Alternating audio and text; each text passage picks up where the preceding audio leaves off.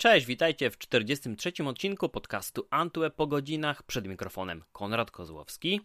Za chwilę usłyszycie rozmowę z Ryanem Richardsem, dyrektorem marketingu w firmie Sonos, którą zapewne kojarzycie z domowego systemu audio. W swojej ofercie mają naprawdę wiele już modeli głośników, które współpracują ze sobą, ale mogą równie dobrze grać samodzielnie. E, całkiem niedawno zaprezentowali trzy nowe produkty, zupełnie nową aplikację, nowy system, a nieco wcześniej zaprezentowali swoją własną usługę Sonos Radio, czyli tak naprawdę formę radia internetowego z przeróżnymi stacjami tematycznymi, a także nadającymi na żywo. Rozmowa odbyła się kilka dni temu, została zarejestrowana oczywiście w języku angielskim, więc nie będę już przedłużał, życzę miłego słuchania.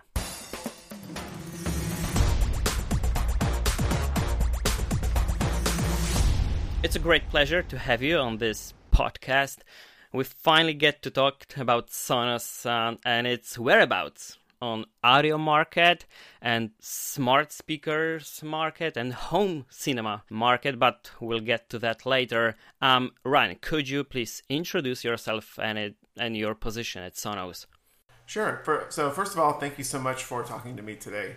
Uh, I'm Ryan Richards, and I am the director of product marketing at Sonos, uh, which means I work on how we uh, talk about our products to consumers and how we how we uh, message them.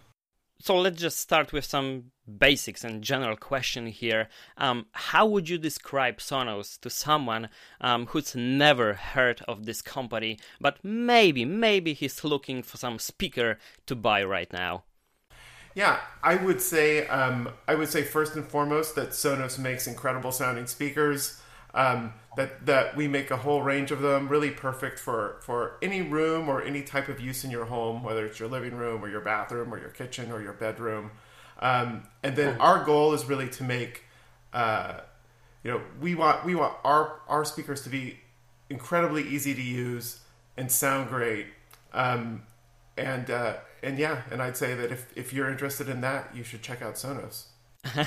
okay, so um, so what's so special about this company that um, it's kind of some special aura about uh, about its um, maybe history and devices up until this point?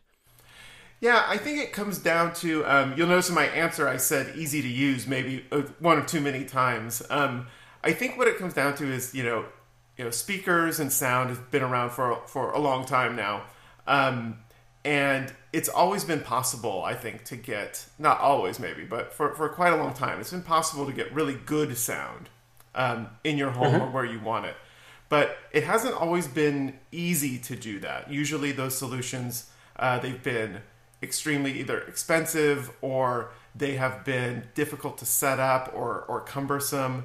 Um, and then also the other thing too to think about is with the advent of digital music and the internet then that added a whole new layer of complexity on top of that because now not mm-hmm. only do you need to actually set up the physical speakers and everything in your home um, but now you need to pipe in that sound and all your content from the internet which is in a whole bunch of different places. It's in spotify it's in soundcloud it's in podcasts it's in netflix. So really navigating all of that all of those worlds mm-hmm um, and making that easy for someone to do is is a really difficult thing. Uh, and then also on top of that, uh, making it sound incredible. So I think I think that's why people are so passionate about Sonos because we've we've done mm-hmm. that for them. Do you think that Sonos' role on speaker market changed over the years? Um, I definitely think I, I think so. I think the original vision of the company uh, is still very strong, and it really is rooted in that in making this um, sort of world of home audio, multi-room home audio, and control, synchronization, making that all simple for people. Um, but but yeah, definitely as things like streaming media have evolved, as the role of the internet has changed really in how people uh-huh. consume content. You know, from kind of like a niche thing. If you think about when the company launched, 2004, 2005 not a lot of people were using the internet for their content. They were using CDs and DVDs, mm-hmm. etc.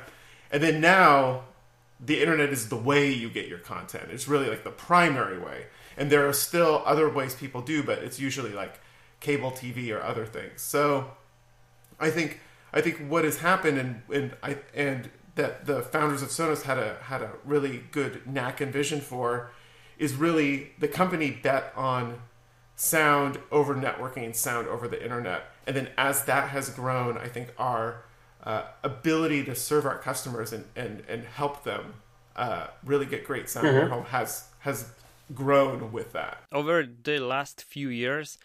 Um, well, there was some new competition on the market for you, and I think you were maybe you were surprised that uh, some tech giants just joined the market and try to run against you, compete with you on the daily basis and on the market, which maybe you, you kind of invented. Um, yeah, so I think maybe you're referring to like um, who are you first?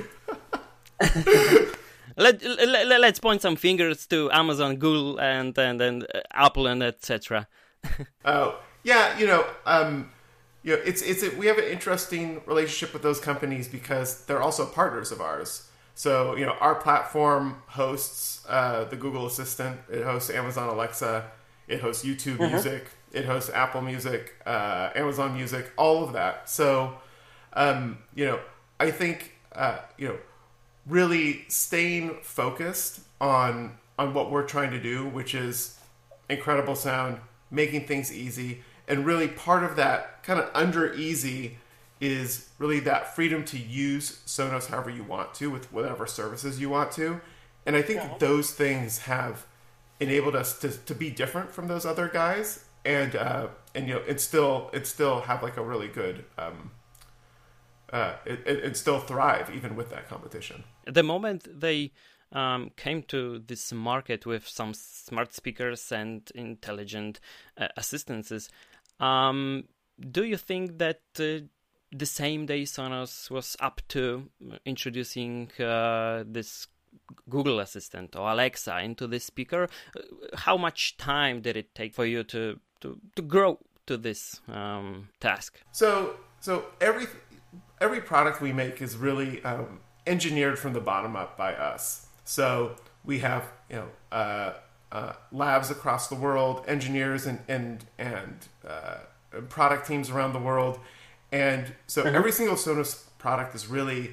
Um, I don't want to say hand built. That's a little too. That's a little too old fashioned. but there is this sort of idea of kind of like old time craftsmanship married with 21st right. century technology um, that I really like about how we make our products.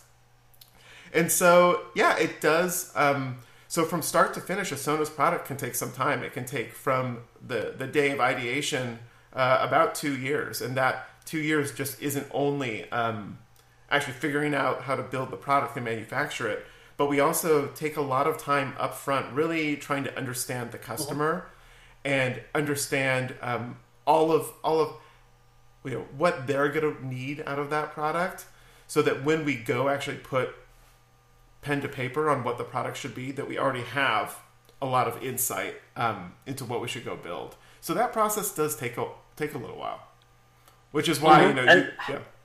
Go ahead. How does that relationship work? Um, because uh, some customers just aren't interested in this stuff, but some people are. So um, I'm really curious uh, who's the first to to come up with this idea to work with uh, some Google, maybe with Amazon. Who who was the first? Um, so I think the the the what you said earlier is really kind of the crux of, of it. Is some customers are interested in it, some customers aren't, and what we really try to do at Sonos is we, we, we internally we like to say we give people choice, and sometimes choice means um, you have the option to do certain things and the options not to do certain things. So when mm-hmm. we saw um, voice control really taking a foothold in people's lives, uh, you know, we mm-hmm. decided that was something we wanted to offer on our platform. Now, we don't really have any particular interest in whether an individual customer uses that feature or not. It's not um, sure. You know, if you want to buy a Sonos speaker and not not use voice, um, I think that's that's great. I think I think you should use it the way you want you want to use it. Just like you mm-hmm. may not want to use Spotify, you may want to use Deezer or anything else. It really, I think that's more of our our take on it. Um, it is about offering the customers many options and ways of controlling their experiences as they would like. Mm-hmm. But you didn't decide to build one from the ground up. Basically. Oh, a, a, a, voice assistant from the ground up. No. Um, yep. Yeah, when we first saw voice coming to market, uh, we did we did we did um, make a decision early on to to launch with the uh, with the with the tech companies with with Amazon and Google. That's right. I'd like to dive in into a very interesting matter, which is your cooperation with streaming services like Spotify, Tidal, Apple Music, and so many more. Um, could you reveal some tasty information so we can look behind the curtain a little bit? I think you are the only ones who work with them all. Yeah, and that's um, you know that is a really difficult thing to do, um, and and it's not. I don't think it's very tasty. Um, it's just difficult. It's not really difficult because of an interrelationship or tasty way. It's just really difficult to build a platform and a product uh, where all of these things that aren't designed to work together work together. Um, you know, no mm-hmm. one I mean, I, I can't speak for them, but I assume this at least that I don't think anyone at Tidal cares if they work well with Apple Music. Like, I don't think that's something. Yeah. I don't think that's something they're thinking about. Um, but we have to think about that. We have to think about how all of these services coexist um, in our in our in our software and on our products because we have customers that do want to use them. I mean, I have I have a Tidal account and a Spotify account, mm-hmm. and so having those things work together on Sonos is really important. Like, for example, if I uh, pull up a song on my Sonos app and I pull up a Tidal song and I ask Google, I say, hey, Google, what song is playing? Google will tell me what song is playing, even though mm-hmm. Tidal and Google, they don't know anything about each other, but the connective tissue of the Sonos software is able to mm-hmm. navigate that so that Google can look at what's playing on Sonos and tell me what's playing, even though that's coming mm-hmm. from Tidal. But making that whole dance work and work seamlessly is really hard. I think every customer notices that the interface for for those streaming platforms is kind of different. Do you think this is the right way? Maybe it should be combined into some um, general interface for every streaming service in your app. Um, can you explain a little more about what you what you mean?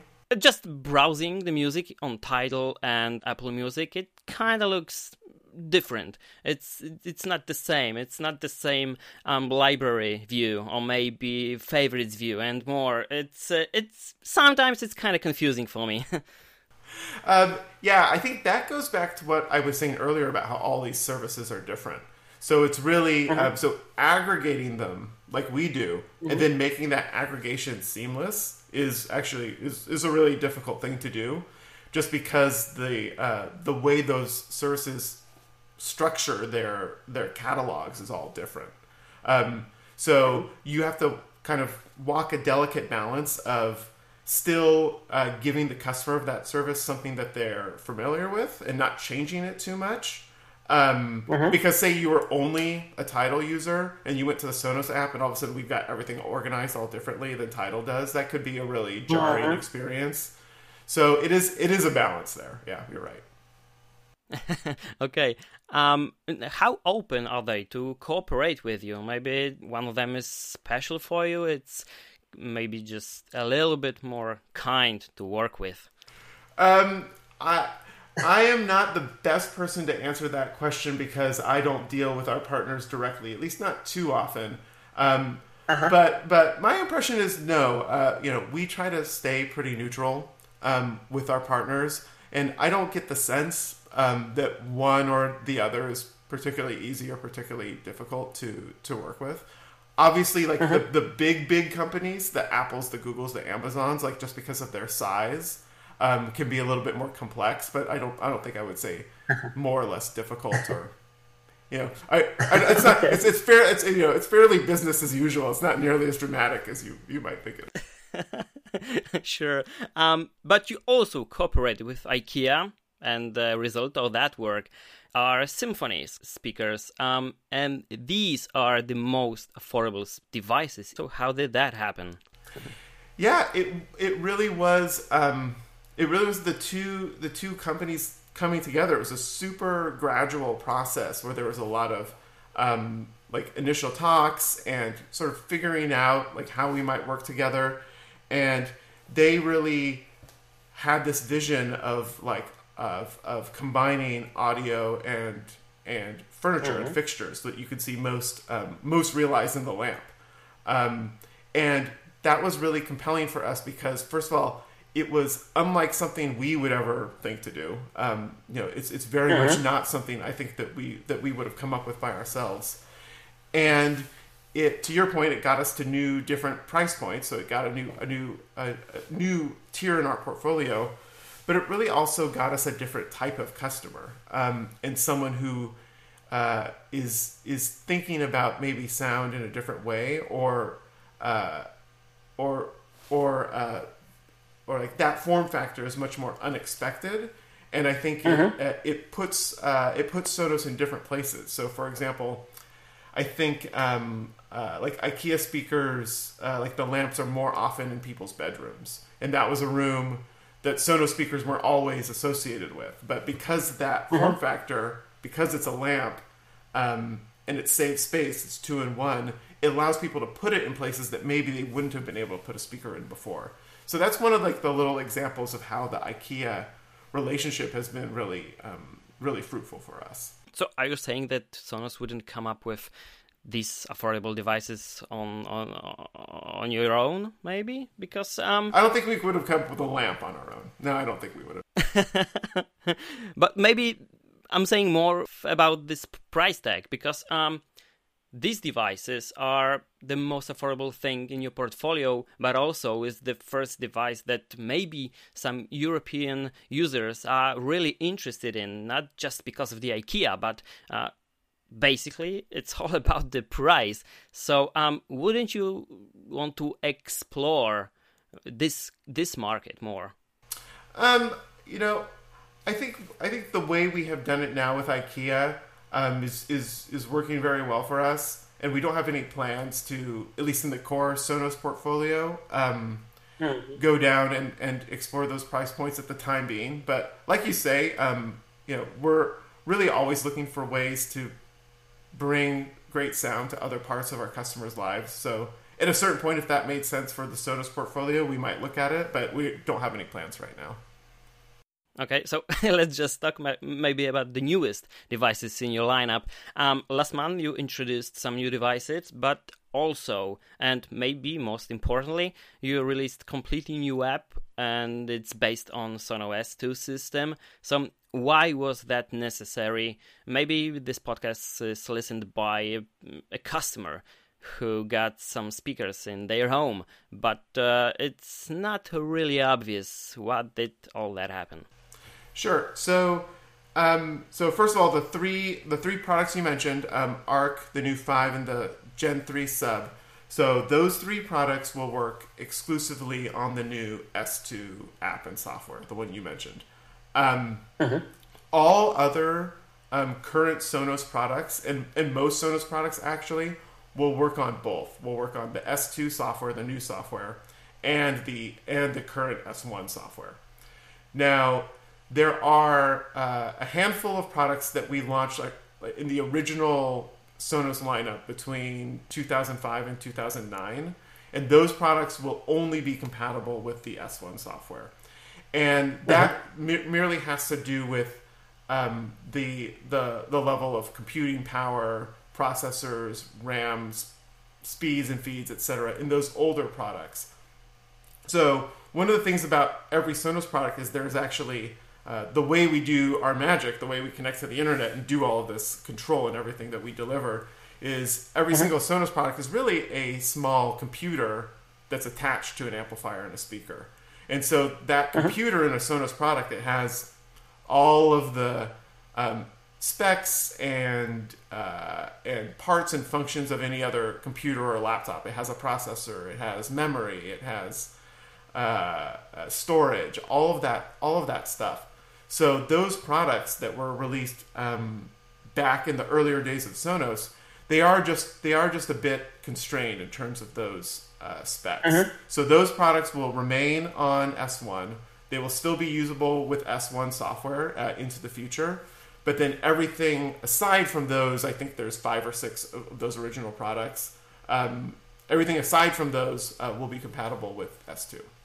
You basically invented connected home sound system and now you re-entered home cinema market and you did a little bit aggressively with your new um, Arc soundbar. Mm, so why would you do that? Um, who'd like to compete with companies like Sony or Samsung, which are far more recognizable around the globe in this kind of products, not not, not Sonos. So, what's your idea on that?